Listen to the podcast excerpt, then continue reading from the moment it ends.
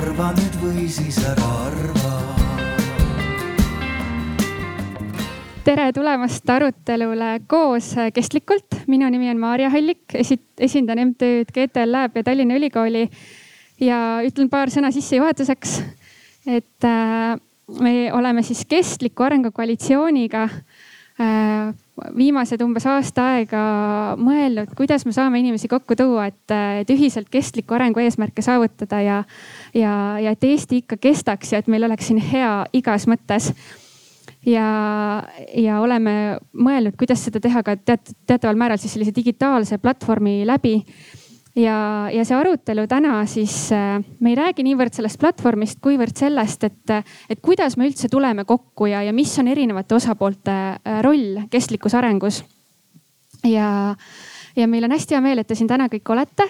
arutelu juhib äh, Agne Kuimet Äh, ta tutvustab ennast kohe ka ise ja mina tulen siis tagasi siin arutelu teises pooles, aga Agne seletab, äh, kuidas see protsess äh, täpsemalt välja hakkab nägema. nii et tere tulemast veel kord ja loodan, et teil saab põnev olema ja, ja, ja saate siit häid mõtteid täna. nii, ma loodan, et kuuleb, jah. tere minu poolt ka, mina olen Agne Kuimet arengukoostöö ümarlauast. me oleme kestliku arengu teemaga tegelenud juba aastast kaks tuhat viisteist ehk aastast, millal ÜRO-s kestliku arengu eesmärgid vastu võeti. tänane päevakava ehk meie programmikene näeb välja selline. kõigepealt meil on siin eksperdid, keda ma rõõmuga õige pea äh, teile tutvustan. eksperdid natukene arutavad omavahel sel teemal, kuidas seda kestlikkuse asja üheskoos ehk siis erinevate osapoolte vahel Eestis või maailmas Eh, edukalt edasi ajada. ja siis me teeksime teiega väikesed vestlusringikesed, kus on sellised kontrollküsimused, kus te saate ka oma arvamust avaldada. ja julgem kirjutab ka oma arvamuse üles. oih eh, nii et meil on siit siis tegijatel on siis midagi kaasa võtta peale, peale arutelu lõppu. aga ennem kui me läheme sisuliseks, tahaks natukene jääd sulatada ja õnneks vihma praegu ei saja, mis tähendab seda, et me saame siin väiksel murulapikesel viia läbi ühe mängu. see on hästi lühike, see on viktoriin, ainult kolm küsimust. saate hääletada jalgadega. esitan kolm küsimust, annan neile kõigile vastuse variandid, et kas õige vastus, mis te arvate, on A, B või C. siis mul on siin maapunktid. Teie praegu ei näe, aga kui te siia varsti ette tulete, siis te näete, et A on siin, B on siin ja seal on C et saate niimoodi natukene eristuda üksteisest, et kes arvab, et A on õige vastus, läheb sinna ja kes arvab, et B on õige vastus, läheb sinna ja C-ga saate isegi aru, kuidas toimida. Äh, ja vaatame siis, mida te arvate või, või kui palju te teate äh, mingitest kestlikkuse asjadest. Äh, ja ma tegelikult palun ka meie panelistidel mängus osaleda. nii et kui te korraks tuleksite kõik ja sel ajal ma pean, mõtlen kõik, välja arvatud helimehed, teie tõesti ei pea tulema tulge siia ette rõõmsalt.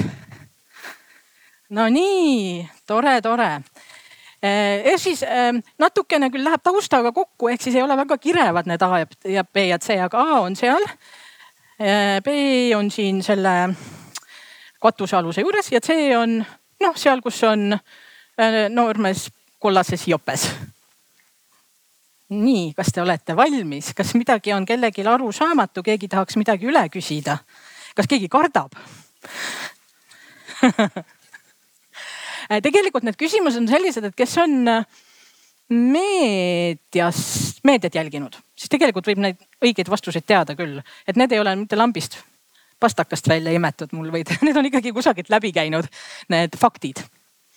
Äh, mida ma teie käest küsin ja mis on siis päriselt ka faktid, et tegemist ei ole minu või kellegi arvamusega, et asi on nii või et kuidagi läheb nii, vaid tegemist on nagu teaduslikult tõestatud faktidega. okei okay,, esimene küsimus. plastiku probleem, kõik teavad, suur probleem maailmas, jah. mis te arvate, mis aastaks on ookeanis ehk siis need kõik maailma mered, mis meil on, äh, mis aastaks on ookeanis rohkem plastikut kaalult kui kalu ja elusorganisme ehk siis kõik vetikad ja molluskid ja kõik need lähevad siia ka. mis aastaks on ookeanis rohkem plastikut kui kala? kas aastaks kaks tuhat viiskümmend, mis on siis kahekümne üheksa aasta pärast, kui ma õieti oskan arvutada. kas aastaks kaks tuhat viiskümmend, mis on siis A, kas aastaks kaks tuhat seitsekümmend, mis on õnneks neljakümne üheksa aasta pärast, ehk siis see on see kuldne kesktee või aastaks kaks tuhat ükssada ehk seitsmekümne üheksa aasta pärast, et siis meie silmad seda ei näe ilmselt, enamuse meist, et need lähevad siis sinna C-sse. kas kakskümmend viiskümmend on meil sihuke hull olukord, kas kakskümmend seitsekümmend meil on selline äh, nutune olukord või annab veel natukene edasi venitada seda asja? oo nii tore, et optimiste on e,. nii ja fanfaarid, õige vastus on siis A et jah, kakskümmend, viiskümmend, oota, tasa. See on siis sellisel juhul, kui me midagi, midagi ei muutu. Ehk et kõik jääb sama, et me tarbime plastikut samamoodi nagu täna, ehk siis iga minut ostame miljon plastpudelit maailmas. ja me ei suuda seda mikroplastikut merest välja kraapida, et suured pudelid me saame, noh, korjame kokku, onju, aga kuidas me seda mikroplastiku kätte saame? Ja, ja teadlased on öelnud, et mõtleme välja tere, Imre Treufeld. Äh, nimelt äh, ma olen kuulnud infot, teaduslikku infot, et mikroplastik äh, on peamiselt riidekiududest ja. pärit materjal. nii et võib-olla plastikpudelid ei lähe, ei satu ookeanisse mikroplastikuna või ei tekita. kahjuks satuvad küll üle poole, läheb ikkagi erinevatel põhjustel ka pudelitest läheb ookeanisse ja sealt välja oh. võetakse seitse protsenti. See, mis selge. siis sinna juba on läinud. ja mm, -hmm. aga aitäh hea täpsustuse eest. nii, nüüd on küsimus meie armsa kodumaa Eesti kohta. Eesti on Euroopa Liidus. omast arust oleme roheriik, maheriik. jah mm -hmm. Eee, mitmendal kohal, mis te arvate, on Eesti Euroopa Liidus kilekottide ja ühekordsete topside ja nii edasi, noh selle ühekordse plastikmudru mm, kasutamises edetabel, eks ole, on tehtud, Euroopa Liidu riikide edetabel. nüüd on küsimus, kas me oleme A esimesel kohal, kas me oleme kolmandal kohal, B või C, me oleme kolmeteistkümnendal kohal. palju neid Euroopa Liidu riike on, kakskümmend kuus või? vist või? Per capita, kõige rohkem, ei, äh, kõige rohkem, äh, ühesõnaga tehti edetabel Äh, selle kohta, et kes Euroopa Liidus kasutab kõige rohkem ühekordset plastikut. Äh, mis riikides siis inimesed kasutavad kõige rohkem? aga seisa, seisa, teeb huvitavamaks ja ehk siis esimesel kohal arvad sina, teised arvavad, et noh, me oleme seal kahekümne kuue jah riigi sees kolmandal kohal ja teie arvate, et me oleme kolmeteistkümnendal kohal. no õige vastus on jah, et me oleme kolmandal kohal ja meie ees on Luksemburg ja Iirimaa vist või? et nemad siis ka ostavad äh, rohkem seda plast äh, ühekordset pakendit, aga noh, me ikkagi auväärne kolmas koht. noh, kuidas nüüd võtta, onju, et kas on okei okay või ei ole nii ja kolmas küsimus majanduse kohta, see on natukene keeruline, ma püüan seda seletada. kui me paneme ühte ritta kõik maailma inimesed, alustame kõige vaesemast ja lõpetame kõige rikkama, on sihuke inimeste jada. siis, kui me lööme need pooleks, et siia jääb kõige vaesem pool ja siia jääb siis see rikkam pool noh, sihuke kunstlik lahterdamine, et vaesemad ja rikkamad. nii, mis te arvate? Äh, nüüd see vaesem pool, viiskümmend protsenti on ju kõikidest, see on see vaesem viiskümmend protsenti. kui palju vara omavad nemad? Äh, võrreldes siis maailma kõige rikkamate inimestega, mis te arvate, kas nad, see vaesem inimeste pool omab äh, sama palju mm, vara või rikkust kui üheksasada maailma kõige rikkamat inimest, siis sellest teisest poolest üheksasada inimest. kas nad omavad sama palju vara kui kuuskümmend kolm maailma kõige rikkamat inimest ehk siis sellest otsast kuuskümmend kolm inimest. Või nüüd see kõige vaesem pool omab sama palju raha kui kaheksa maailma kõige rikkamat inimest. A on äh, üheksasada maailma kõige rikkamat inimest, B on kuuskümmend kolm maailma rikkamat inimest, äh, omab sama palju ressursse kui vaesem pool. Ja nojah, sina lihtsalt ei viitsi liikuda, selge. Äh, aga teie siis arvate, et maailmast viiskümmend protsenti ehk siis kõige vaesem pool omab sama palju vara kui kaheksa maailma kõige rikkamat inimest ja teil on õigus. jah, nii on küll. vot siis, aga aitäh mängimast, istume nüüd tagasi ja kuulame, mis eksperdid arvavad sellest kõigest nii, aga meil on siin täna väga huvitav seltskond, kõik on eraldi sektorist, hoopis teised, hoopis erinevad inimesed. aga neil on kõigil mingi üks kokkupuutepunkt, kõik tegelevad kuidagi mingi nurga alt või siis mitte nurga alt, vaid nagu päriselt täiega kestliku arengu teemaga. ja nüüd ma tutvustaks eh, lühidalt. kõigepealt meil on Katrin Pats Rimist. Eh, Katrin on siis töötanud umbes kümme aastat Rimis ja kui Katrin alustas jätkusuutliku ärimudeli teemaga, siis ma kujutan ette, et olukord oli hoopis teistsugune kui täna erasektoris. meil on eh, Kairi Niinepuumark, kes on Lääne-Harju vallas Rohelise valla idee ja suuna algataja kogukondadele suunatud teavitusseminari sarja Targa valiku praktikum projektijuht ja Rohelise valla kaasasutaja. siis meil on Hanna, õigemini Hanna Kerta, kes on Tallinna Ülikooli tudeng. Oli Tallinna Ülikooli tudeng, nüüd sa oled hoopis Löövi ülikoolis magistratuuris eh, ja töötad Tallinna Ülikooli üliõpilaskonna juhatuse liikmena sotsiaalpoliitika valdkonnas ja kuulud Keskkonnaministeeriumi noorte keskkonnanõukokku. Vastab tõele. Siis meil on Katri-Liis Lepik, kes on Tallinna Ülikoolis juhtimise dotsent ja lektor ja mentor Tallinna Ülikooli globaalses sotsiaalse ettevõtluse magistriprogrammis. ja ta on ka rahvusvahelise sotsiaalse ettevõtte Skillmill juhatuse liige. kõik oli õige, eks ju, ei valetanud. ja lõpuks meil on Mikk Vainik Keskkonnaministeeriumist, programmi Accelerate Estonia mm majandusministeeriumist. majandusministeeriumist, vabandust, majandus-kommunikatsiooniministeerium on see õige termin oled siis Accelerate Estonia programmist, mille eesmärk on pöörata avalikule sektorile lahendamiseks usaldatud keerukad ja valdkondade ülesed probleemid uuteks konkurentsieelisteks. ja, ja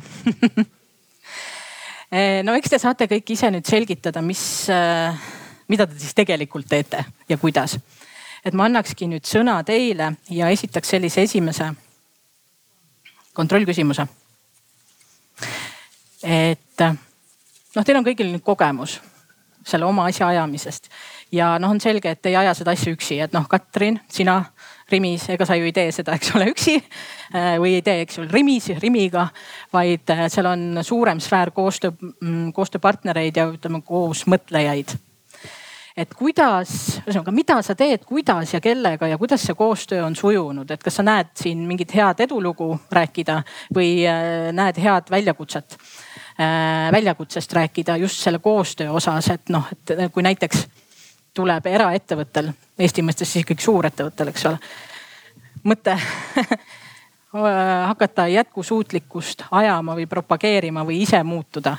Et, et kuidas see, kuidas sellega on, et ma saan aru, et kui kümme aastat tagasi sa seda tegema hakkasid, siis sulle vaadati otsa natukene selle pilguga, et noh, mis, mis sa nüüd räägid siin meile tere ka minu poolt. jah, noh, tegelikult äh, muidugi ettevõttesiseselt on mul õnne olnud, sellepärast et meie juured on teatavasti Rootsis ja noh, ma arvan, et täna ei tule kellelegi üllatusena, et Skandinaavia maades on see kestlik areng tunduvalt paremas nii-öelda järgus kui see, millega meie siin täna tegeleme. ka see teadmine ja know-how ja ka nõudlikkus ehk siis see kliendisurve on hoopis teistsugune. ehk siis meie emafirma IKA on ikkagi juba aastasadu, võib-olla vaikselt nüüd siis viimastel aastakümnetel sellega tegelenud ja üsna loogiline on, et sealt ta tasapisi ka meile on imbunud, et me ise ütleme, et see on meie nagu DNA-s olnud kogu aeg. aga iseasi on see, et need mõtted ja ideed ja, ja, ja eesmärgid võivad ju olla olemas ja me võime neid isegi kommunikeerida nii ettevõttes sees kui ka väljas. aga mis on minu selline kõige suurem õppetund nende kümne, nüüd sügisel saab üksteist aastat juba, ma olen seal töötanud, et ma arvan, noorte inimese jaoks kõlab see kohutavalt. aga et, et ma mäletan, see kõige esimene väljakutse ja, ja, ja minu sihuke, mille ma panen eduarvele, on just see kaasamine. ehk siis igasugused projektid, mille peale me noh, mis meile justkui osaliselt tulid nagu IKA-st, aga mille peale ka me ise oleme tulnud.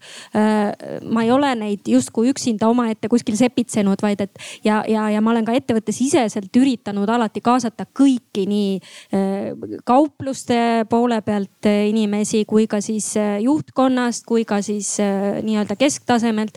ehk siis see, et noh, ma toon lihtsalt näite, et kui äh, tänaseks võib-olla viis-kuus aastat tagasi me otsustasime just nagu terviseteemadel, kuna me ju teatavasti alkoholi müüme ähm,, hakata olulisemalt rohkem jälgima seda, kellele me seda alkoholi müüme ja kuidas me teda müüme ja kui palju me dokumenti kontrollime ja nii edasi, et, et siis säästa noorte inimeste tervist. siis äh, see tundus alguses küll selline, et issand jumal, et mida, mis me peame hakkama nüüd kaklema kellegiga seal poes või. ja selleks, et see asi õnnestuks, äh, oli hästi lihtne see, et et lõimegi töögrupi. põhimõtteliselt me, me, me valmistasime ette saadikud, kes läksid poodi ja ütlesid, et kuulge, tegelikult on seda nagu jube äge ja jube õige teha ja seda saab teha nii. ja, ja ma arvan, et see on edu toonud ja nii ma olen proovinud katsetada ka kõikide teiste projektidega, et kui see algatus või idee või mõte tuleb, siis äh, noh, tänaseks ma olen jõudnud sinnamaale, et tuleb mingi järjekordne uus idee või, või küsimus või mingi idufirma, kes tahab midagi pakkuda, siis ma mitte kunagi, siis mul on nagu see koht, et ma isegi ei tea, keda ma peaks kaasama ettevõttesse, sest need on kõik nii uued asjad. et, et tegelikult on nagu äge, et siis ma käin ja kompan ja uurin ühelt ja teiselt ja mis sa arvad. ja tegelikult on nagu selle kümne aasta jooksul ma olen adunud seda, et, et ma täna enam ei pea nii palju vaeva nägema nägema, et inimesed juba ise tulevad ja koputavad noh, nii-öelda tinglikult uksele, tänapäeval siis ekraanile ja ütlevad, et ma tahan olla järgmises projektis kaasatud või kuule, et see idee või teine idee, et, et, et kui sa oled seda mõtteviisi juurutanud ettevõttes, siis see hakkab külge ja inimesed on ise muutuvad aktiivseks, mis on nagu ju parim, mis sa ta, võid tahta. nii et selles mõttes äh, äh, need viimased paar aastat on olnud oluliselt lihtsamad, kui oli alguses. nii välja, väljapoole kommunikeerides neid asju või väljapoole rääkides, aga ka sisemiselt, nii et noh, see, see sisemise muskli kasvatamine, et nemad on need, kes ka tahavad midagi muuta ja nad saavad aru, miks seda on vaja. et see on olnud üks sihuke väga äge teekond, aga, aga ma arvan, et selle üle me võime uhked olla ka no väga lahe, aitäh. Kairil on väga huvitav koostöökogemus, sest et noh, olla mingis KOV-is selline aktiivne osapool. minu puhul jäi tegelikult oluline asi mainimata, ma olen ettevõtja ja Roheline vald on puhtalt vabatahtlik töö. et, et sellega ma, ütleme siis keskkonnateemaga ma hakkasin tegelema alles kaks aastat tagasi, kui mul tuli idee rohelisest vallast ja minu äh, puhul on ka oluline kaasamine selleks, et äh, vallavalitsuse juurde üldse minna. Äh, võtsin ma selle ideega, olles ennem õrnalt ka valideerinud ja saanud noogutusi vallavalitsusest ja vallavanemast. Läksin ma teadlaste juurde, läksin ma ekspertide juurde, läksin ma teadusparkidesse ja ka kogukonda ja kogusin kokku infot ja suure hulga inimesi, ka mitte ainult meie vallast, ka mujalt. ja siis läksime vallavalitsusega kohtuma, esitasime seda visiooni ja ideed. ja sellest on nüüd äh, möödas üsna vähe aega ja väga palju on toimunud äh, alates Rohelise valla seminaridest kuni kõikvõimalike projektideni, mida on ka ajakirjanduses päris palju olnud. et ähm, oluline on ka see, et kõik see toimubki vabatahtlikuna koostöös väga tihedalt vallavalitsusega, kes on äh, ka siis välja öelnud, ähm, et ta soovib saada roheliseks vallaks ja osaleb äh, siis esimesena vallavalitsustest ka Rohetiigri programmis. ja väga oluline on see, et ähm, elanikkonna teavitus on kandnud äh, minu arust äh, väga hästi vilja, sest elanikkonna seast on tulnud ka teisi vabatahtlikke juurde. ja me oleme koos äh, rünnanud ka aju ja välja selgitanud siis need kuus valdkonda, kus me jätkusuutlikke tegevusi teeme väga tihedalt, sõlmides selle valla arengukavadega ja muude igasuguste tegevustega. nii et kaasamine on ka meie puhul väga oluline edu võti no see on väga hea näide, esiteks muidugi vald on super tubli, et Lääne-Harju on noh, selles mõttes ikkagi eeskujulik, et oleks, oh oleks kõik Eesti vallad sellised. ma arvan, et tänaseks ei ole ühtegi omavalitsust, kus inimesed ei oleks helistanud ja ühendust võtnud, kuidas te seda teete või kuidas te saite selleni üldse jõuda. et kui meie läheme oma, oma vallavalitsuse juurde mõne mõttega, siis meid ei võeta kuulda et seal on mõned nipid ja me kindlasti oleme aidanud ja kogu seda teekonda, mis on olnud tohutult, tohutult põnev. jah, esimesel Rohevalla seminaril oli meil ka äh, avasõnadeks ja esimeses paneelis riigipea äh,, kes tahtis ka kindlasti meie seminaril osaleda et vaadake rohevald.ee lehte, seal on kõik meie edenemine ja kõik äh, sellised põnevad seminarid äh, ka üleval. aga aitäh, Hanna. kuidas siis noored seda olukorda tajuvad ja kuidas, kuidas te toimetate, kuidas teie kaasate, keda, kuidas läinud on või mis või kui veel ei ole läinud, siis mis ootused ja lootused on? jah, ma esiteks äh, täpsustaks seda, et ma kindlasti ei ole ekspert, et ma olen selline pigem aktivist, kui siis üldse. et äh, aga noorte kaasamine on, see on vist iga noorteühenduse põhiline probleem, et äh, tegutsevad ja eesmärgid on, aga samal ajal ikkagi on õhus alati, alati, alati küsimus, et kuidas siis noori kaasata. et kui palju on neid, kes üldse ei teagi erinevatest noorteorganisatsioonidest ja kuidas äh, üldse juhtida nende tähelepanu nii endale kui ka siis nendele probleemidele, mida, millega me tegeleme. et ähm, noh, kui nagu maailmast niimoodi ka Skandinaaviasse pilk suunata, et siis tegelikult on ju noorte osalus äh, keskkonnaprobleemidele tähelepanu juhtimises väga, väga hea, et äh, noored on ju need, kes on seda eest vedanud ja Greta Thunbergi näitel, et ma arvan, et ei ole nagu võimalik enam paremasse olukorda saada, et, et nüüd on nagu meie signaal ongi see, et, et saada nagu see teine osa ühiskonnast või see nagu ülejäänud osa ühiskonnast kaasa. et loomulikult äh, oleme ise nagu aktiivselt selle, see, sellega tegelemas. et ähm, võib-olla unistuste poolest ikkagi just, miks ma ka täna siin olen, et, et saaks rohkem koostööd teha. et äh, saada noori äh, siis noorte häält igale poole ja et, et meid võetaks ka tõsiselt, et tihti on ju see, et äh, võime mingile probleemile tähelepanu juhtida, aga et siis see nagu kaob kuskile kauge, kaugusse ära kahjuks.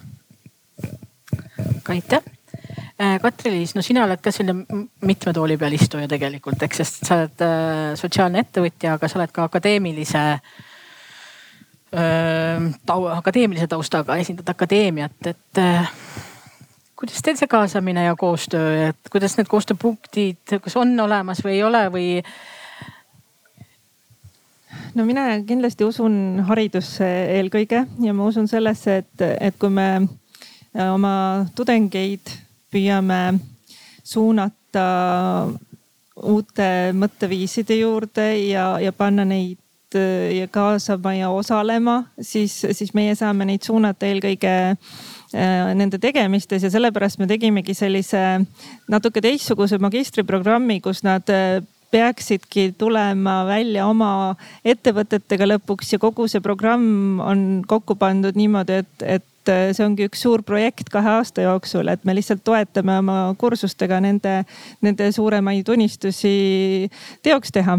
ja, ja noh, loomulikult me ei saa teha seda kuidagi äh, eraldiseisvalt, et, et ka meil on kindlasti kõik needsamad sektorid äh, olulised ja, ja meie oleme siis hästi palju teinud seda ikkagi koostööd ja, ja just nimelt meie kasutame sõna koosloome, et, et me püüame alustada sellest, et leida see täpne probleem, et mida me tegelikult lahendama hakkame, enne kui, kui me siin kõik hoogsalt neid lahendusi pakume, et, et meie nagu alustame pigem sellest, et, et küsida ikkagi iga selle tegevuse juures, miks see olukord selline on ja, ja, ja keda see puudutab ja miks me seda üldse peaksime muutma ja, ja kuidas me seda siis hakkame tegema, et, et pigem on nagu see, see väärtus selles, selles küsimuses, et miks midagi on halvasti ja, ja, ja läheb läheme siis sealt, sealt liikvele, et et selle kaudu me siis ka tegelikult need koosloomes osalevad partnerid leiame ja no kindlasti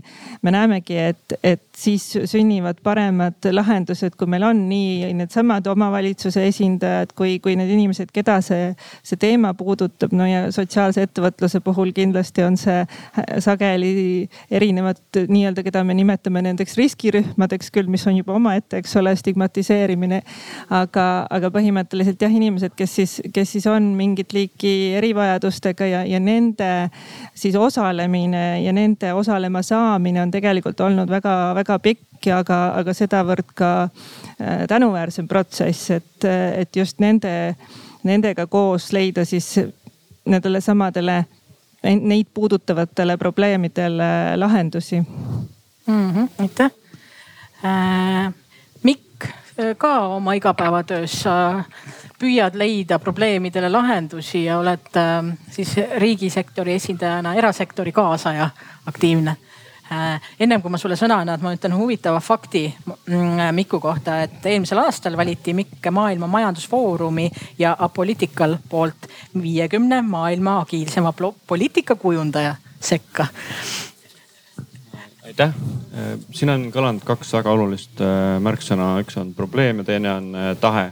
Et alustaks äh, võib-olla sellest nagu probleemistikust, et, et, et ka meil nagu oma lähenemises on olulisem kõigepealt ikka defineerida õigesti, et milles seisneb probleem. Ja kui me mõtleme selle kestlike nii-öelda eesmärkide ampluaale, siis on väga hästi kirjeldatud siis ÜRO poolt need seitseteist kestliku arengu eesmärki. Äh, ja seal on mingid parameetrid, mis on teada ja et on see, see töö nagu väga kenasti nagu ära tehtud ja nüüd küsimus on selles, et kui sa vaatad kogu seda probleemide merd ja mõtled, et äh, kust otsast siis pihta hakata, et siis äh, tuleb sisse järgmine hästi tähtis märksõna, milleks on tahe.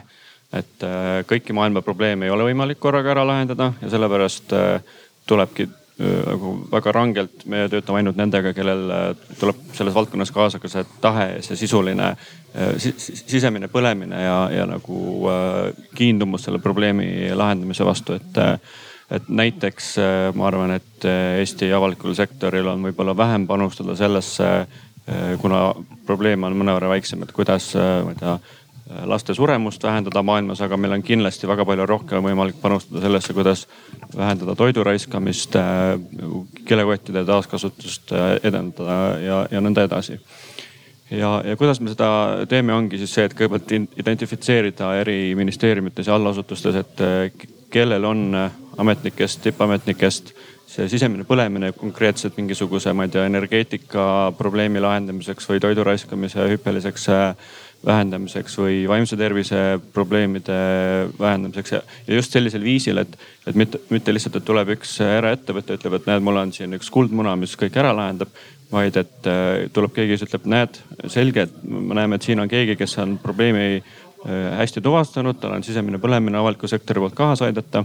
aga mis oleks, kui teeks selle piruka hoopis suuremaks, et äh, mitte lihtsalt ei ürita turgu nagu ümber jaotada, vaid võtamegi ette, et ma ei tea, toidu raiskamises saab kümneid ettevõtteid panustada sellesse, et see väheneks kaheksakümmend, kaheksakümne protsendi võrra, ma ei tea, kolme aasta jooksul ja sama lugu, ma ei tea biomajanduse käivitamisel, et äh, ei ole ühte äh, nii võimekat ja tehnoloogiarikast ettevõtet, kes suudaks äh, kogu Eesti, ma ei tea, bioväe niimoodi paremini ära tootestada, et me saaksime sellest rohkem lisandväärtust ja peaksime nagu vahe, vähem maha raiuma, vaid pigem on eesmärk just siuksed komplekssed probleemid uuteks stiimuliteks äh, ja uuteks turuplatsideks luua, et, et see on see, mida me, mida me teeme ja mida oleme nüüd äh, eri valdkondades käivitanud ja õnneks on just see rohepööre laiemalt ja siis energeetika, toidu riskamine, biomajandus nagu hästi konkreetselt täna Eestis need valdkonnad, kus on see hea tasakaal probleemi defineerimise ja ka sisulise tahte vahel mm. -hmm. sa mainisid kestliku arengu eesmärke, et ma publikule tuletan veel korra meelde, et kaks tuhat viisteist lepiti kokku üle maailma seitseteist kestliku arengu eesmärki. Eh, mille me pea, milleni me peaksime siis jõudma aastaks kakskümmend kolmkümmend eh, kui me tahame siin planeedi ja inimkonnana noh, mitte ainult ellu jääda, vaid ka edukalt ellu jääda, ehk siis ka tulevikus eh, hästi elada, et meie tulevased põlved saaks Ähm, inimväärset, inimväärselt elada, et planeet oleks alles. Äh, ja et majandusmudelid oleks kestlikud. Äh, kuus aastat on sellest möödas ja noh, ütleme niimoodi, et äh, enamus maailma riike tunnistab, et me ei jõua aastaks kakskümmend kolmkümmend. kui me jätkame seda tegevust nii, nagu me täna teeme, et me välja lubatud ajaks me ei jõua kestliku arengu eesmärkideni ja et üks suur probleem või takistus selle juures on siis sellise kollektiivse mõtlemise puudumine, et noh, läänemaailm on hästi individuaalne. ma arvan, et Eesti on ka tegelikult küllaltki individuaalne riik et selline kollektiivsuse puudumine on üks konkreetsetest takistustest, neid on muidugi palju, sest see teema on nii keeruline ja, ja noh, see ongi raske muidugi. et mis teie arvate, ma annan nüüd vaba mikrofoni. et kuidas seda kollektiivsust aktiivsus siis kuidagi utsitada või et mida ja kuidas me näiteks Eestis võiksime kollektiivselt teha paremini. et noh, okei okay,, kakskümmend, kahekümne, kolmekümnendaks aastaks noh, isegi kui ei jõua, et siis äkki kahekümne neljakümnendaks aastaks äkki jõuaksime äh, nende kestliku arengu eesmärkideni, mida on palju, kus on palju alameesmärke ja nagu sa ütlesid, et jah, igaüks ei saa kõigega tegeleda, vaid igaüks valib endale või noh, selle mingi, mingi eesmärgi ja pühendub sellele, et et kuidas seda nagu paremini teha, on teil nagu ideid? Või on teil näiteks mõtteid, et kuidas seda takistust nagu ära saaks võtta, seda, et noh, me tegelikult ei taha koos väga midagi teha. et me, meie ka koalitsioonis, kui me lõime koalitsiooni, siis me just sellepärast tegime seda, et oo, et saaks sektorite üleselt kokku, räägiks asjast, et noh tol hetkel seda ei olnud tegelikult sellist sektorite ülest vestlust üldse, et ühe laua taga on siis kõik eh, ütleme neli, kui me akadeemia võtame neljandaks on ju kõik neli sektorit ja siis, et no okei okay,, et kuidas me, et kuidas me kasvõi teavitust tavainimeste hulgas, eks ju, saaksime senisest paremini teha, sest et ega tavalisele inimesele on noh, tegelikult nagu veel eriti keeruline, see müra on ju nii tohutu. et kus see vaene inimene tegelikult peab lõpuks tegema, mis on õige valik ja mis on vale valik et siin on nii palju seda, nii palju probleeme on ühesõnaga. et äh, kas teil on mingeid häid mõtteid äh,? Et kuidagi liikuda lahenduste poole, et näiteks alustame selle kollektiivsusega, et äh, noh, ma ei tea, Kairil on selles mõttes nagu võib-olla hea kogemus, et ideaalne, no teil on hästi jah, aga noh Tallinnas näiteks ei ole hästi. aga võib-olla ähm, nagu, kui me mõtleme seda, et kui me räägime keskkonnast, siis äh, me räägime sellest, et me mõtleme globaalselt, tegutseme lokaalselt ja võib-olla astuda samm tagasi et äh, alustada perekondadest, äh, väikestest kogukondadest, et ähm, või siis liikuda külade, valdade äh, suurusesse. et kuidas meie alustasime seda teavitust, esiteks oligi see, et, et see kommunikatsioon peab olema hästi läbimõeldud ja hästi siduv ja inimesed peavad reaalselt nägema, et see toob neile reaalset kasu. Et kui me panime paika nendes alustalades, milleks on energia, ettevõtlus, energeetika või energia, ütleme siis selle ma juba ütlesin äh, elurikkus, äh, jäätmemajandus, äh, transport ja elanikkonna teavitus, siis me kõikides nendes valdkondades panime paika lühiajalised ja pikaajalised eesmärgid. ja kuna on tegu inimestega, kes eelkõige on üsnagi egoistlikud positiivses mõttes ja nad tahavad teada, mis saan mina sellest kasu. siis me keskendusime alguses konkreetsetele asjadele, mis annavad konkreetset efekti iga valla elaniku jaoks. Ja teavituseks kasutasime, meil on rohelise valla rubriik, mida iga omavalitsus saaks äh, samamoodi sisse, sisse äh, viia kiiresti. ehk see teavitus ja kommunikatsioon on kõige alus. miks me teeme, mida ja kuidas see sulle kasulik on ja kuidas sa saad kaasata. ja väga huvitav, ma soovitan alati, kui teilt küsitakse, aga miks siis nii?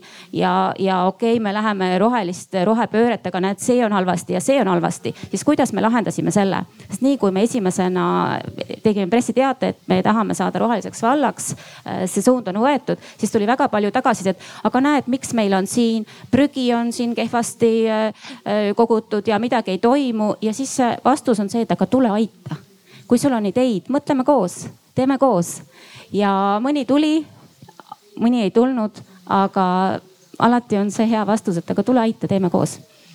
siit vähemalt minu jaoks tuli üks väga hea nipp või mõte, et see lühiajaline või see kõige, kõige rutemini saavutatav kasu kuidagi selgeks teha, et no mis meie tänasel rohepöörde suur mm,, ma ei taha öelda miinus, vabandust, probleem, väljakutse, väljakutse, probleem ei ole, on ainult väljakutsed. on, et noh ähm, ütleme, õiglane üleminek võib tuua kaasa vähemalt ajutise tagasilöögi nii mitmele kogukonnale mida nad äh, teavad, tunnetavad ja ei taha tegelikult seda võib-olla läbi, läbi elada. et nad saavad aru küll, et pikemas perspektiivis jah, eks ole, on õiglane üleminek ja, aga mis me vahepeal teeme, kuidas me vahepeal ellu jääme, et tegelikult see selline kiire nagu kiirema positiivse outcome ilusas eesti keeles, mul ei tule praegu meelde, väljundi toomine inimesteni. mul on tunne, et seda väga hästi jah ei osata võib-olla teha, et räägitakse probleemidest ja pikaajalisest kasvust, aga, aga see, mis me täna või homme, äh, kuidas me tänase või homse üle elame. et sellest räägitakse vähem, et see oli hea, hea tähelepanek jah, Katrin. tohib, vahepeal ütlen ka, et mis, mida mina antud juhul siia võib, kuidas nagu täiendaks, on see, et, et äh, noh, ma olen nii pikalt erinevaid projekte teinud ja ma tean, et ja noh, meil on ju tegelikult tohutult suur kõlapind üle Eesti ja kõik inimesed käivad toidupoes. et noh, mingil määral keegi ikkagi mingisugust signaali kuskilt saab. aga Äh, mida ma adun, on see, et, äh, et äh, see, see, et kuidas me teavitame või kellele see korda läheb. minu meelest noh, ma, ma võib-olla olen natuke küüniliseks juba muutunud ka nende kümne aastasega, sest et kui sa muudkui teed ja teed ja teed ja sa nagu tulemust näed nagu nii aeglaselt liikuvat nagu tigu, siis tekib nagu teatav sihuke tunne, et noh, et kuidas mõjutada seda suurt massi, ehk siis noh, ma arvan, et kõik need inimesed, kes täna on siin Arvamusfestivalil, kes on, teenivad olulist oluliselt rohkem kui Eesti keskmine palk. et neid meil ei ole vaja enam mõjutada, nemad saavad aru, aga kuidas me mõjutame siis neid, seda, seda suurt massi. et äh, see siinjuures tõesti hästi oluline on see, et mis mina sellest saan. ja, ja üks hästi oluline koht, kus ma näen nagu seda võimalust ka on, on noored. nii et selles mõttes äh, äh, mina andsin endale näiteks sel aastal selle lubaduse, et kõik noored, kes minu poole pöörduvad see aasta, ma kõik kuulan ära oma huvitavate ideedega ja see on olnud väga huvitav pool aastat. et selles mõttes, et äh, me peaksime rohkem andma seda kõnepulti või nii-öelda seda võimalust noortele kaasa rääkida, sest nemad ju omakorda lähevad oma vanematele, räägivad ja nemad mõjutavad oma vanemaid, äh, loomulikult noori. et selles mõttes see on kindlasti üks meie selline äh, võimalus, mida me ei tohiks käest ära anda ja, ja just seesama, et me peaks mõtlema, et see, kuidas me nendest asjadest räägime. no uskuge mind, et kestliku arengu eesmärgid on väga paljude inimeste jaoks nagu, mis asi see on, nad ei tea, mis see on ja nad, nad ei tahagi teada. ehk siis me peaksime asjadest rääkima väga lihtsates, lihtsas keeles väga selgete nii-öelda täpselt see, et kui sa teed nii, siis see kasu on selline või siis me peame tegema need meie väljakutsed, nagu me siin nimetame äh, nagu nei, neile äh,. et nemad tahaks ka selles osas midagi teha, et neil tekiks see nii-öelda, et see ahaa, et see on minu väljakutse ka. täna see ei ole nii, kahjuks mm. -hmm nii et noh, see on nüüd meie ülesanne, et kuidas me suudame need inimesed ka ära rääkida, et nemad tahaksid ka natuke muutuda aitäh, Kairi äh,. no Katri-Liis, vabandust. ja, ma mõtlen just, et kui, kui rääkida sellest mõjutamisest, et siis, ähm, siis noh, kuna minul on selline riigiteaduste taust ka ja, ja juhtimise taust, siis, siis kindlasti peaks rõhutama äh, Äh, seda riigivalitsemise, eriti avaliku sektori tähtsust ja seda just siis nii-öelda sellise investeerimise ja, ja, ja võimaluse poolest ehk et kui palju on tegelikult avalikul sektoril võimalust äh, sekkuda, ehk siis just mitte selliste üksikute pisikeste projektide toetamise, vaid just selle süsteemse lähenemisega ja hästi praktiline viis selleks on, on mõelda avalikele hangetele.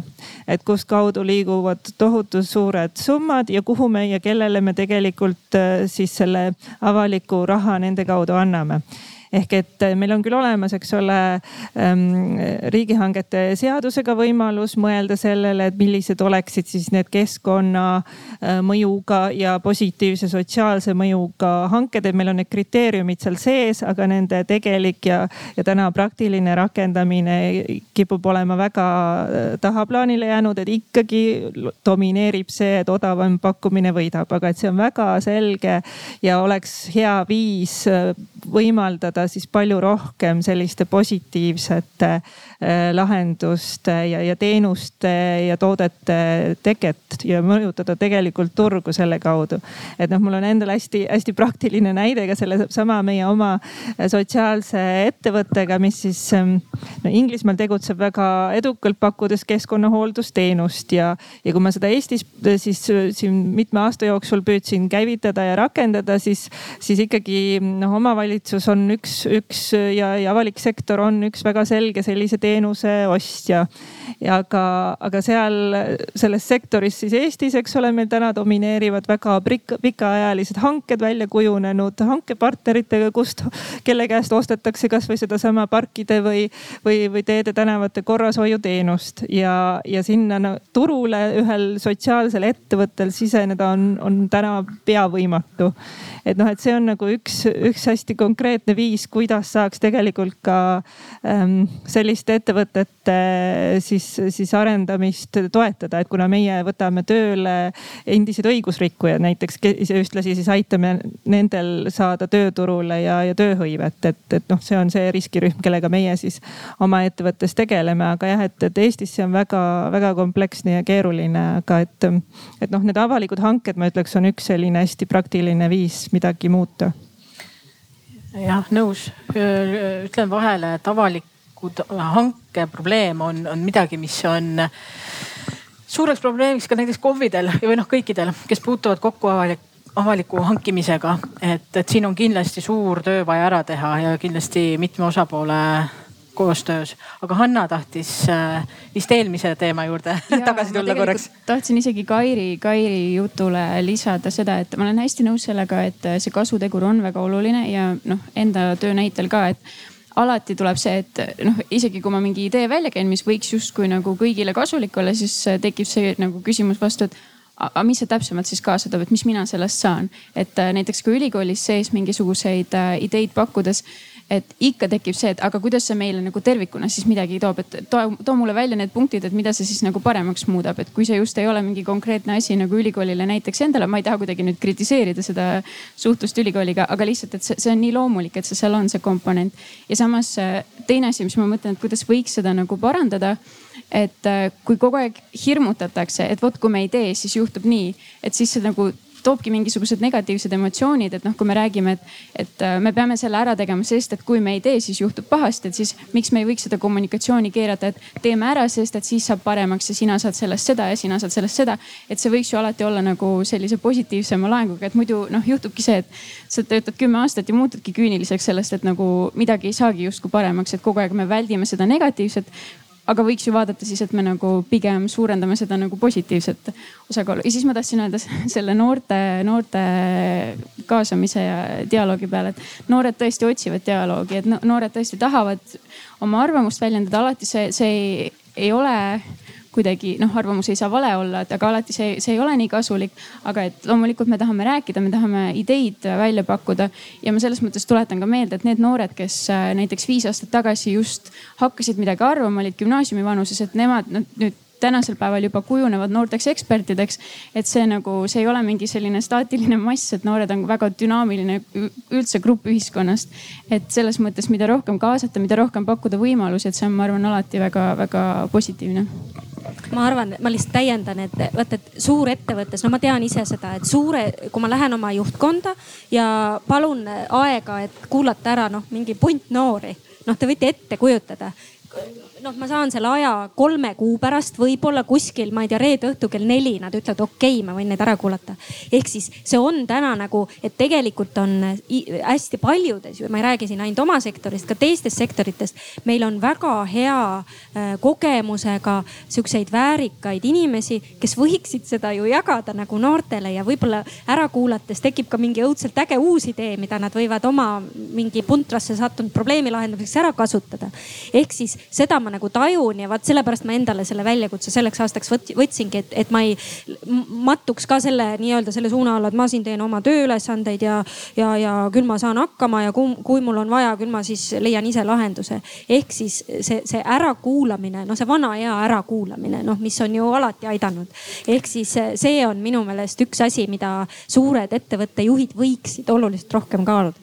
Võib-olla see, et leida aega just, just mhm. leida aega, mitte, mitte kolme kuu pärast reede õhtul kell neli.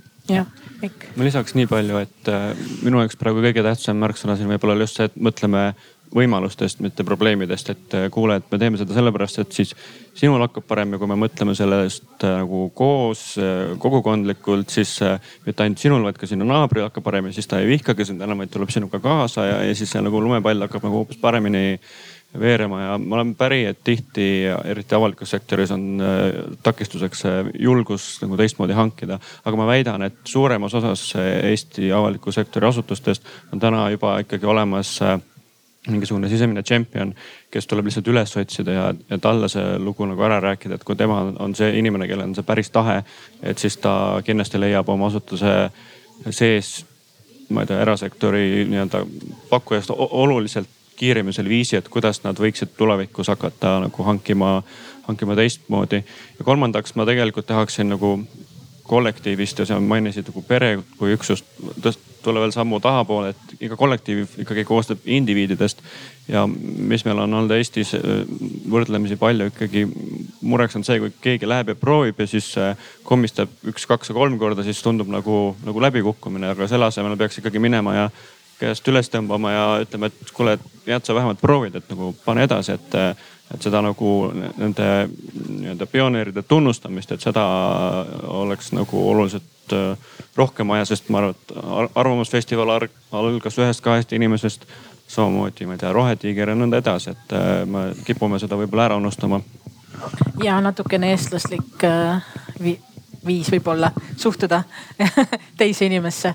aga millega ma väga nõus olen ja ka ise süüdi selles, et positiivset narratiivi on väga vähe ega ka ise oma töös ju tegelikult äh, pigem ju räägid probleemidest. täna siin alguses jää sulatamiseks seda mängu tehes ju tõin teile ka kolm suurt probleemi mitte kolm suurt mingit tulevikurõõmu, kuhu me võiksime kunagi jõuda. et ikkagi see, see negatiivne stsenaarium, negatiivne narratiiv on väga domineeriv.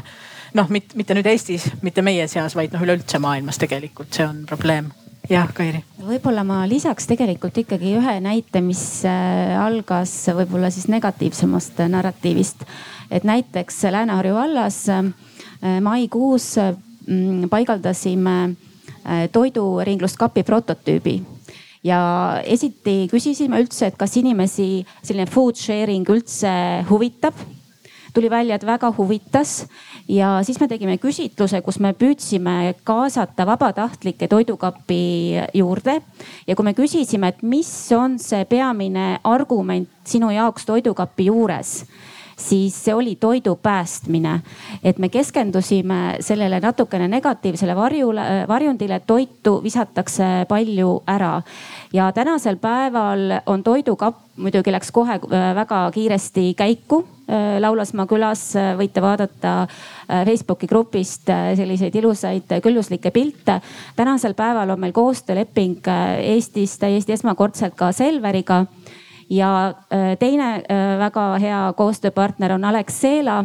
Ja Alexela toetab off-grid hübriidkapi tegemist, mille me paigutame septembrikuus Paldiskisse ja Laulasmaale.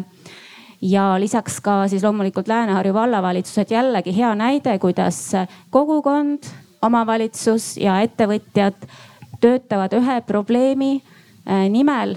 Ja ma arvan, et iga selline tegevus muudab hästi palju inimeste mõtteviisi. et kui me vaatame, et mida sinna toidukappi siis pannakse, siis pannakse tänu ka, selliseid natukene hellitavaid äh, asju, et on kodukarbis või tähendab kodumunad karbis. Äh, kõige eksklusiivsem asi näiteks saja kahekümne viie aasta vanune leivajuuretis ja aiasaaduseid ja üht-teist veel.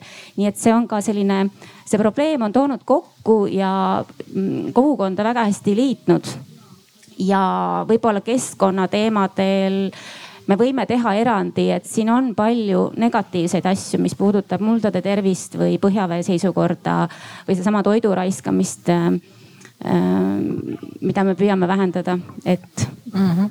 aitäh väga hea näite eest. kas publiku seas on küsimusi? eksklusiivne võimalus küsida. nii on aitäh ma võib-olla ei küsiks, aga ma haaraks kinni selleks äh, avalike hangete teema. et äh, mis oleks näiteks, kui kohalikud omavalitsused näiteks kümme protsenti hangetest peaksid ostma kohalikelt kogukondadelt. Need, kes kümme täis saavad, need saavad riigi poolt mingi täiendava preemia, sest nad ostavad asju koha pealt, noh kuidagi tuleb motiveerida et see ei ole kohustus aga, kuni kümme protsenti võite osta. aga siis nii-öelda partneriks on kas siis kohalik kogukond, MTÜ, need inimesed, kes on ümber, raha jääb kogukonda. See on väga hea mõte, selle jätkuks ma tegelikult saan tuua ka ühe hea siis positiivse loo, et mida me siis ka oleme ülikooliga koostöös teinud siis Võrumaal ja sellise ürituse ja sündmuse, mis siis, mis siis on ka Eh, kujunenud siis, siis iga-aastaseks loometalguteks. Ehk siis selline koosloomeüritus ja sealt kasvas siis välja just selline algatus Mahe ja Muhe. Ehk mis siis ehm, just eh, siis on suunatud sellele, et oma, omavalitsused nüüd lõpuks jõudsid siis ka koostööleppeni ettevõtjatega. Ehk see kõik mahetoodang siis, mida, mida koha peal tehakse, jõuaks siis kooli eh, ja lasteaedade sööklatesse ja, ja see seostub väga otseselt ka nende samade avalike hangetega, sest noh, selleks, selleks pidid ka kõik omavalitsused sellega nõustuma ja, ja, ja see on just hästi konkreetselt see, mis on idee sündinud ja kasvanud koosloomes ja, ja siis koos e-, ettevõtjate ja nende kohalike elanike ja, ja omavalitsuste vahel. et, et selline asi lõpuks on võimalik, see võttis väga palju aega, et mitu aastat tegelikult ja, ja aga ometi on siis tänaseks jah, sellise noh, mõneti ka jah murdnud siis neid müüte, et, et, et sellised äh, teod on äh, võimalikud, et kohalik toit jõuaks siis tõesti ka sinna, sinna koolidesse ja, ja et see ka ühtepidi jälle innustaks neid kohalikke ettevõtjaid siis, kui nad näevad seda võimalust, siis ka rohkem tootma, sest noh, vastasel puhul ei ole ju sellel ka jälle, jälle mõtet, et, et see on jällegi nagu kasu kõikidele osapooltele, et, et kindlasti see on ka väga tervitatav. mul on mõte. üks küsimus, et me oleme seda samamoodi arutanud Lääne-Harju vallas. kas ei ole mitte siin mõni seadusepügal, et sa ei saa eelistada äh, kohalikku või kui on näiteks teada, noh, idee on tegelikult see, et teada on tegelikult ju see, et kui palju on vajadus äh, haridusasutuste, noh koolide, lasteaedade toiduvajadus ja kui on see vajadus teada, siis tegelikult saab ju vald teha äh, põllupidajatele mm, ja nii edasi ju selle nii-öelda eelteatise tellimuse, see äh, hoogustab kohalikku ettevõtlust äh,. kui teada, et sul on klient olemas, kas siin ei teki mingi seadusega? ma arvan, see on korruptsioonioht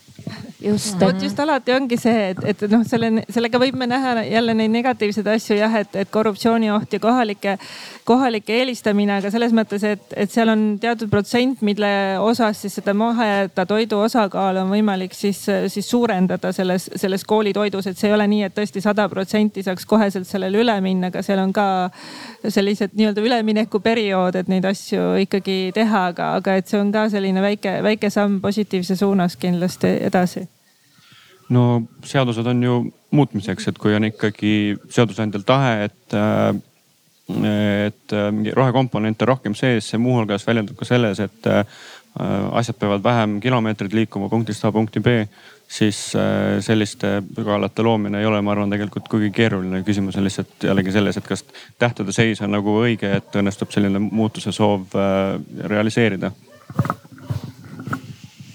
no me jõuaksime ühe küsimuse veel võtta, juhul kui on. või kui on keegi teine. siin on üks küsimus. väga hea ah,. nii äh,, ma vaatan äh, kogu seda üldist äh, olukorda, et, et kuidas neid probleeme lahendatakse, kuidas rohepööret paremini teha ja kuidas neid jätkusuutlikke arengu eesmärke saavutada. ja siin on mõned head näited Lääne-Harju vallast, aga küsimus on äh, üldisem, et, et kuidas äh, kogu seda asja edukalt äh, teha. Äh, ja kuidas inimeste käitumist niimoodi äh, mõjutada. ja mul on mulje jäänud, et põhimõtteliselt probleem on inimeste kaasamises. et see on sihuke põhiline valukoht, et inimesed nagu Kairi ütles, suurem osa Eesti valdades inimesed üritavad vallaga rääkida, aga vald nagu ei võta kuulda või.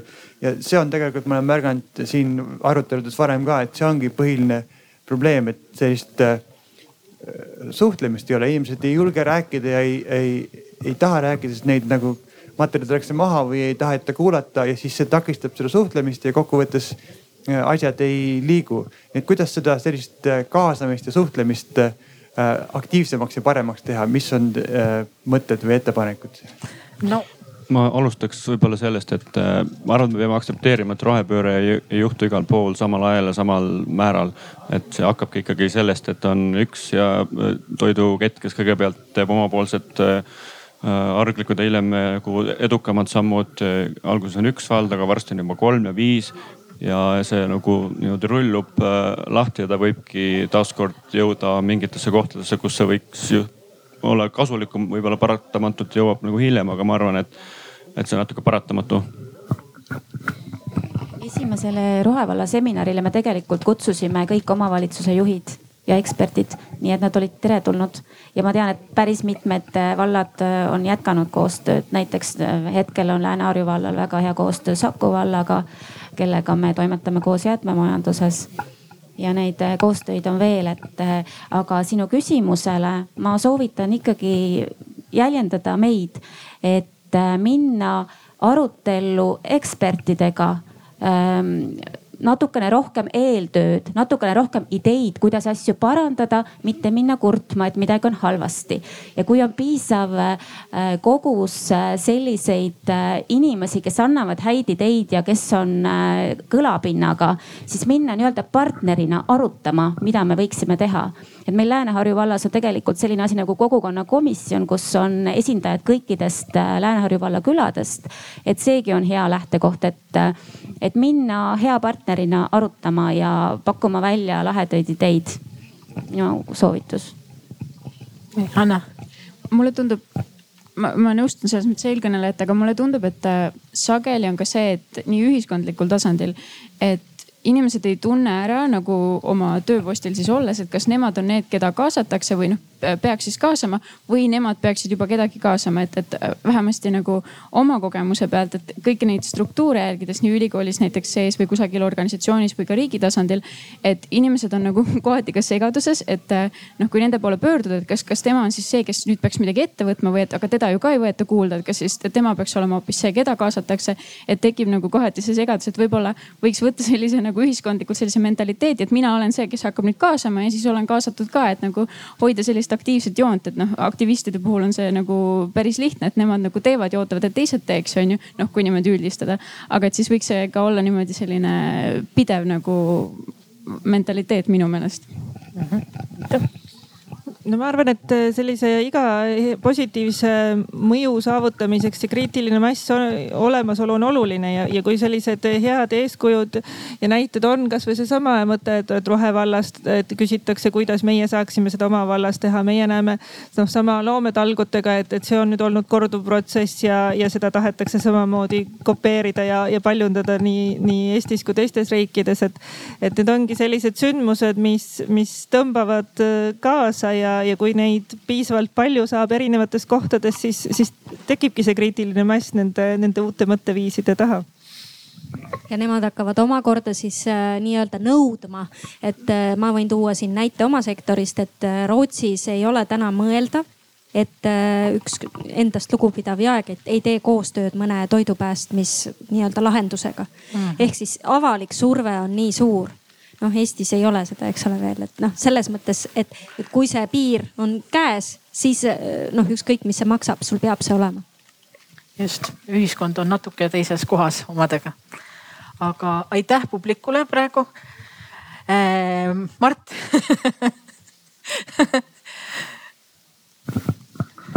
olgu, aga sa pead tegema väga kiiresti. hästi kiiresti.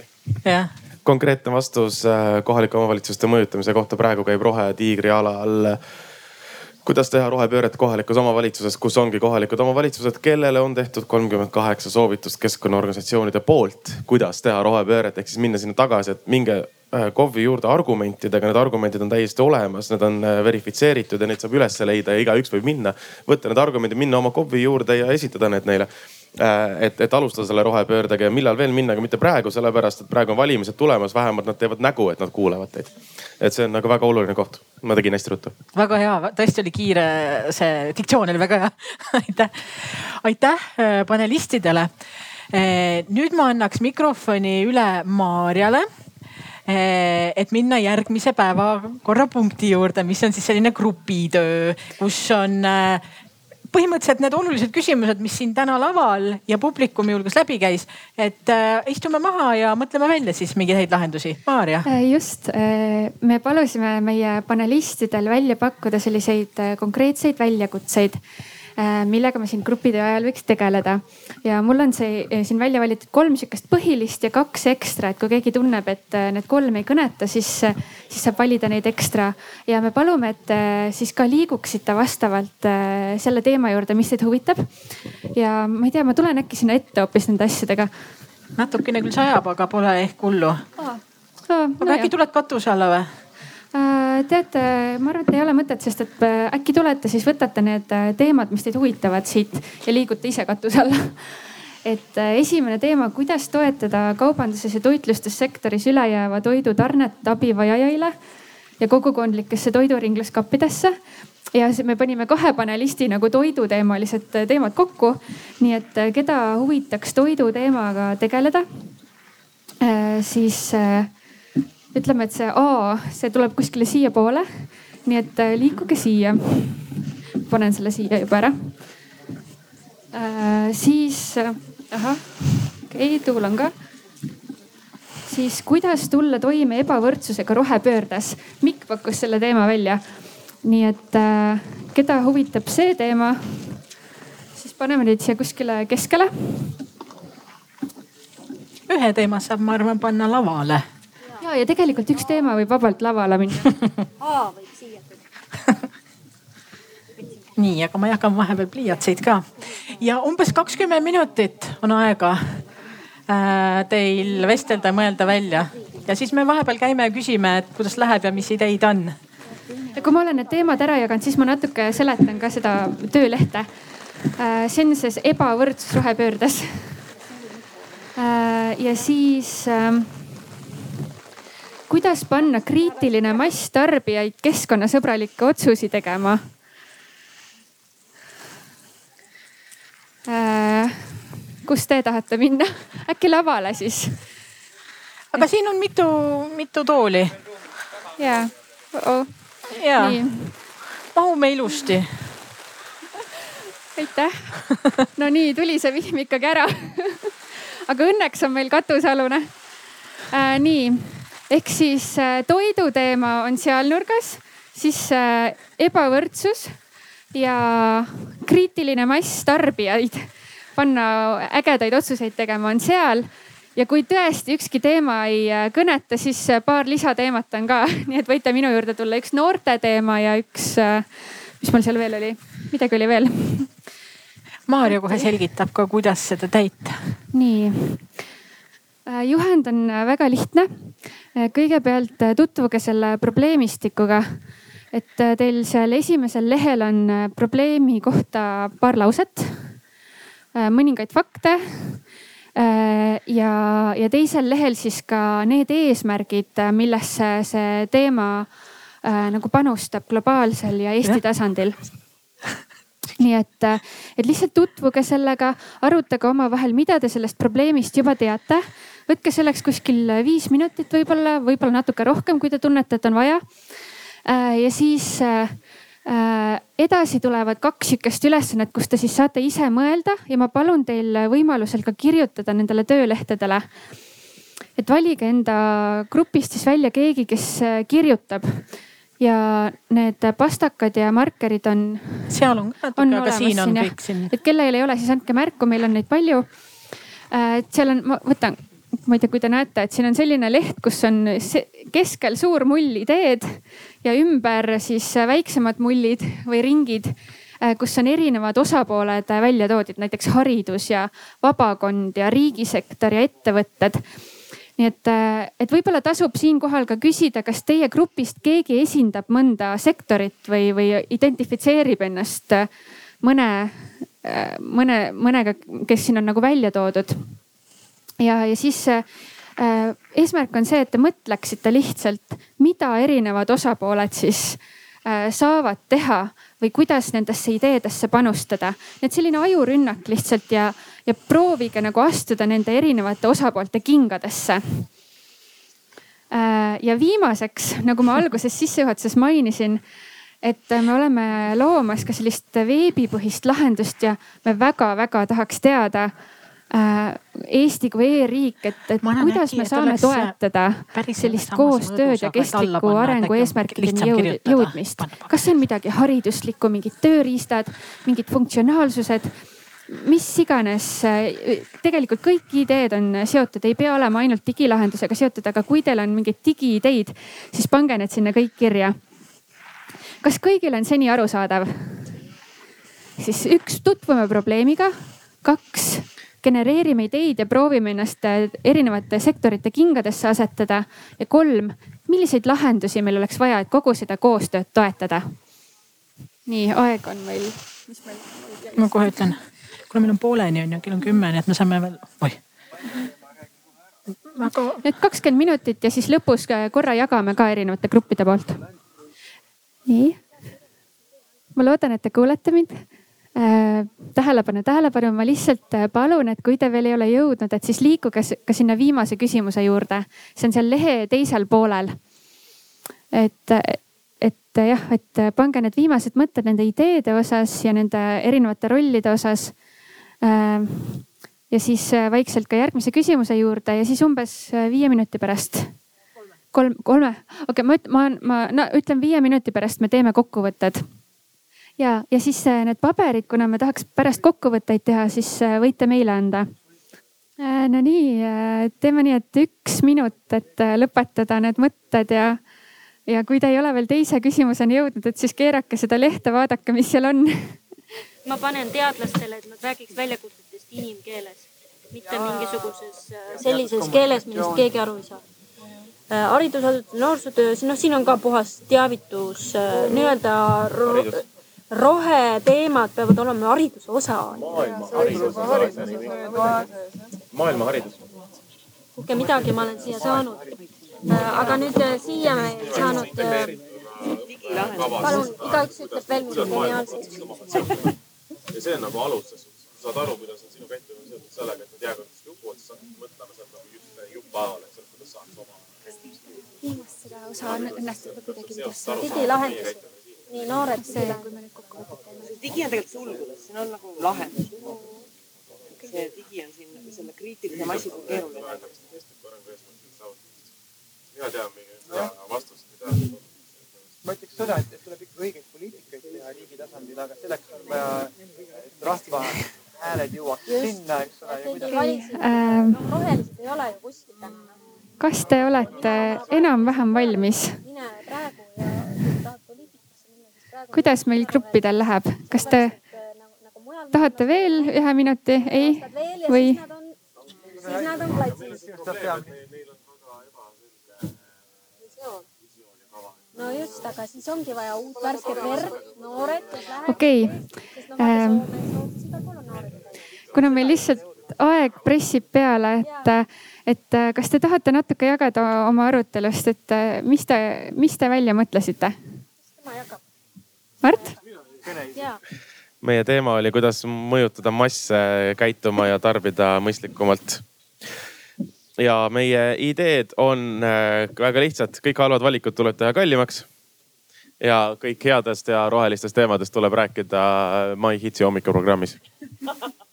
või noh, massi, massimeedias noh, ses suhtes, mida nagu päriselt inimesed kuulavad ka ja riigisektori kohalikud omavalitsused, nende osa on kogu see maksupoliitika, mingite toodete puhul saab seda tõsta, mingite toodete puhul maksumäära arendada ja teha kohustuslikumaks rohehanked, sellepärast et riik on väga suur hankija, kui me räägime kulust ja, ja toodetest ja pakenditest.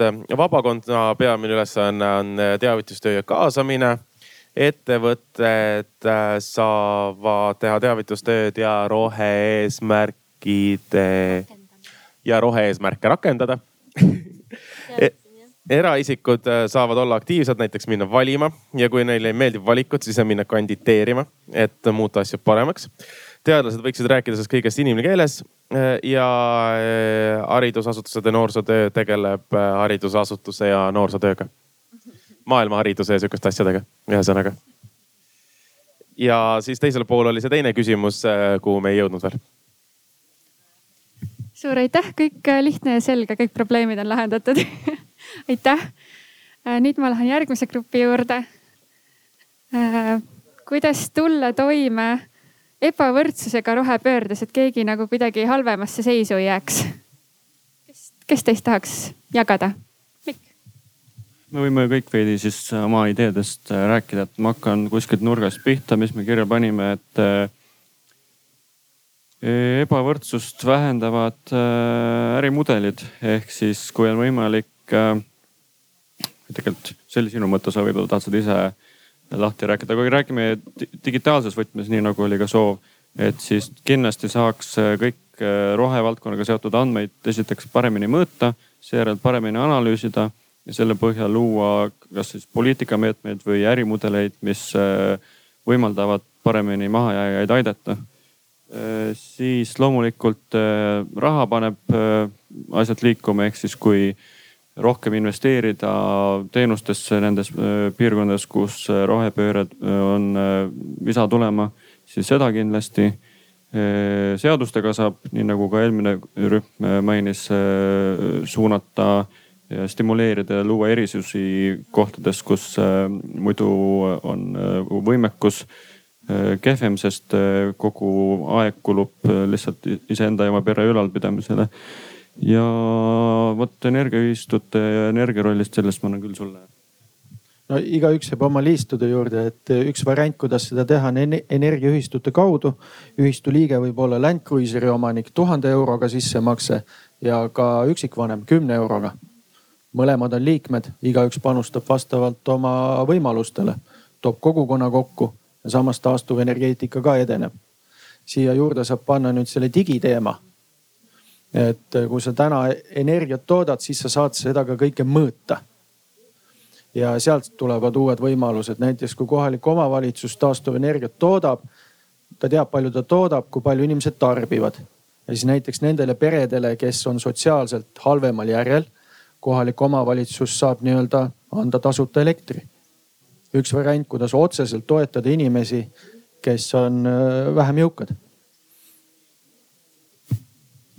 Ja täpsustaksin veel just siia viimase, viimase mõtte juurde, et mis me veel arutasime ja rõhutasime, oli see, et rohepööre on täna veel suhteliselt elitistlik ütleme kontseptsioon üleüldiselt ja, ja keskkonnavaenulikud tegevused on tihti vaesuse nägu, seda nii Eestis kui, kui ka mujal maailmas.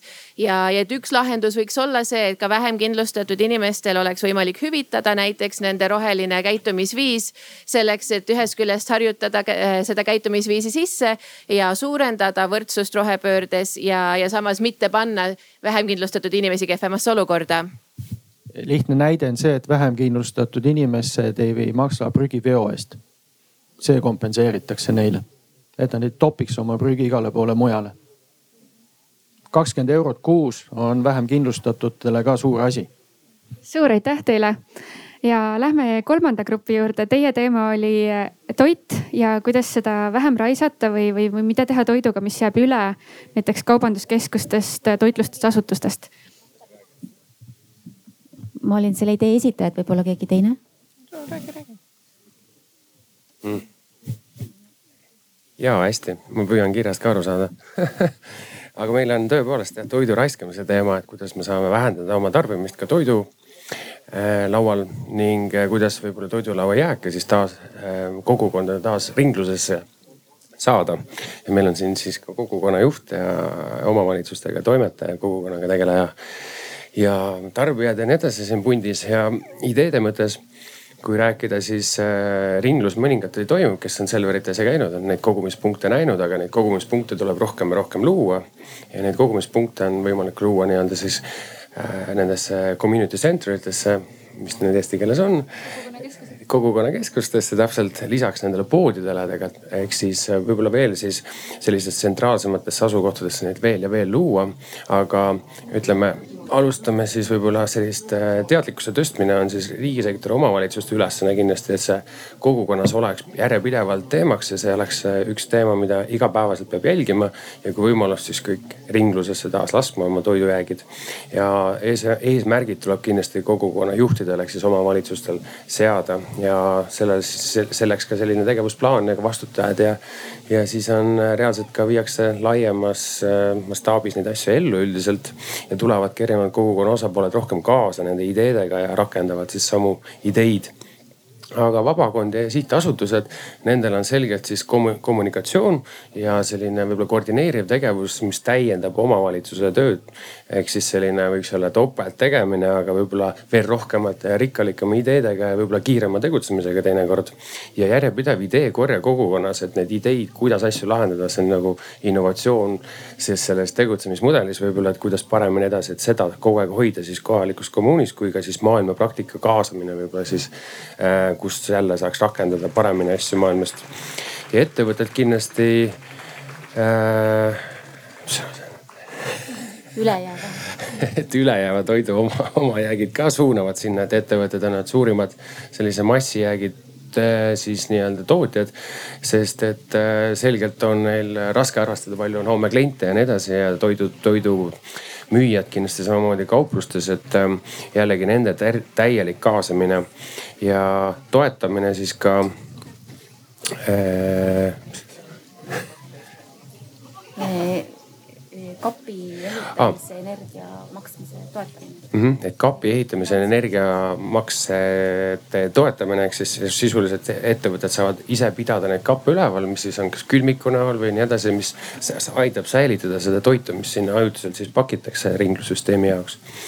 ja eraisikute näol muidugi on võimalik äh, teha ühiskokkamisi, et äh, ühiselt paremini võib-olla optimeerida oma tarbimist. Äh, meil on võimalik ka ühis sellisest äh, kommuunikeskustest teha nende jääkide põhjal siis äh, sellist ühiskokkamist võib-olla osale kogukonnast, kes ise äh, muidu peaksid kokkama sellest nendest jääkidest, aga nendel on võimalik teha ka koka näol siis see toit juba valmis, et see on ka üks viis, kuidas tuua ühiskond või kogukond kokku toimetada so sotsiaalselt ka selle seltskonnaga, kes seda tarbib ja tuua kokku võib-olla seda, seda ring, ringlust toetavat seltskonda, et see hoiab ka võib-olla sotsiaalselt lisaks veel koos, et selline kokkamisversioon ka, mitte ainult toidujaakide jagamine. Ja loomulikult siis äh, tarbimise ja ostude optimeerimine on meie iga, iga eraisiku, iga pere kohustus. et veelgi, veelgi optimeerida seda tarbimist, et äh, äh, täpsemalt need retsepti algkoostised siis osta.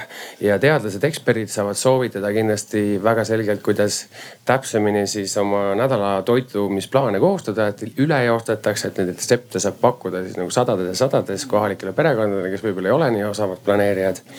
Ja haridus ja noorsoo koostöös äh, on kindlasti äh, toidu, kus see on pääst-, päästetud toidust kokkumine jällegi, aga nemad saavad seda samamoodi täita. Suur aitäh teile, väga põhjalik ülevaade sellest, kuidas me saame kõik äh,. ideed jäid ütlemata.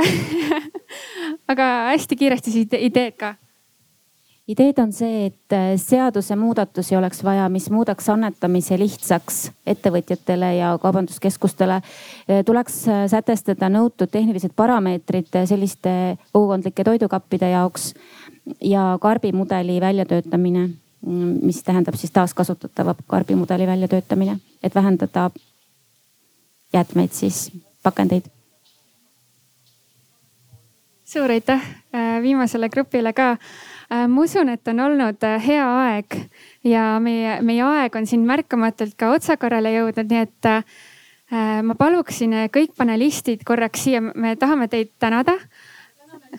ja just ja suur aplaus kõigile, kes on siia täna tulnud ja ilm ka jälle läks äh, lõpetuseks väga ilusaks, nii et äh, nautige ülejäänud päeva. ja jah. Äh, aga panelistid? jah, aga panelistid, et, et võtame need kotid ka. sul on? ah, need. nüüd peab vaatama, et igaüks saab õige koti ja kellel on veel küsimusi või tahab midagi arutada või et siis äh, julgelt tulge rääkige meiega või rääkige üksteisega. ma loodan, et te võib-olla leidsite mõne uue tuttava siit täna. aitäh. aitäh ka Erile. nii Katrinile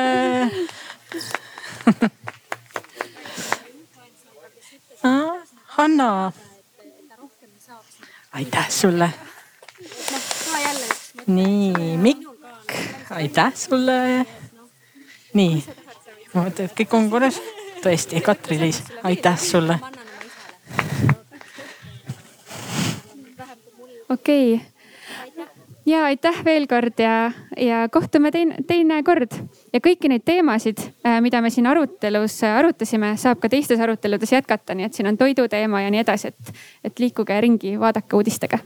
selge see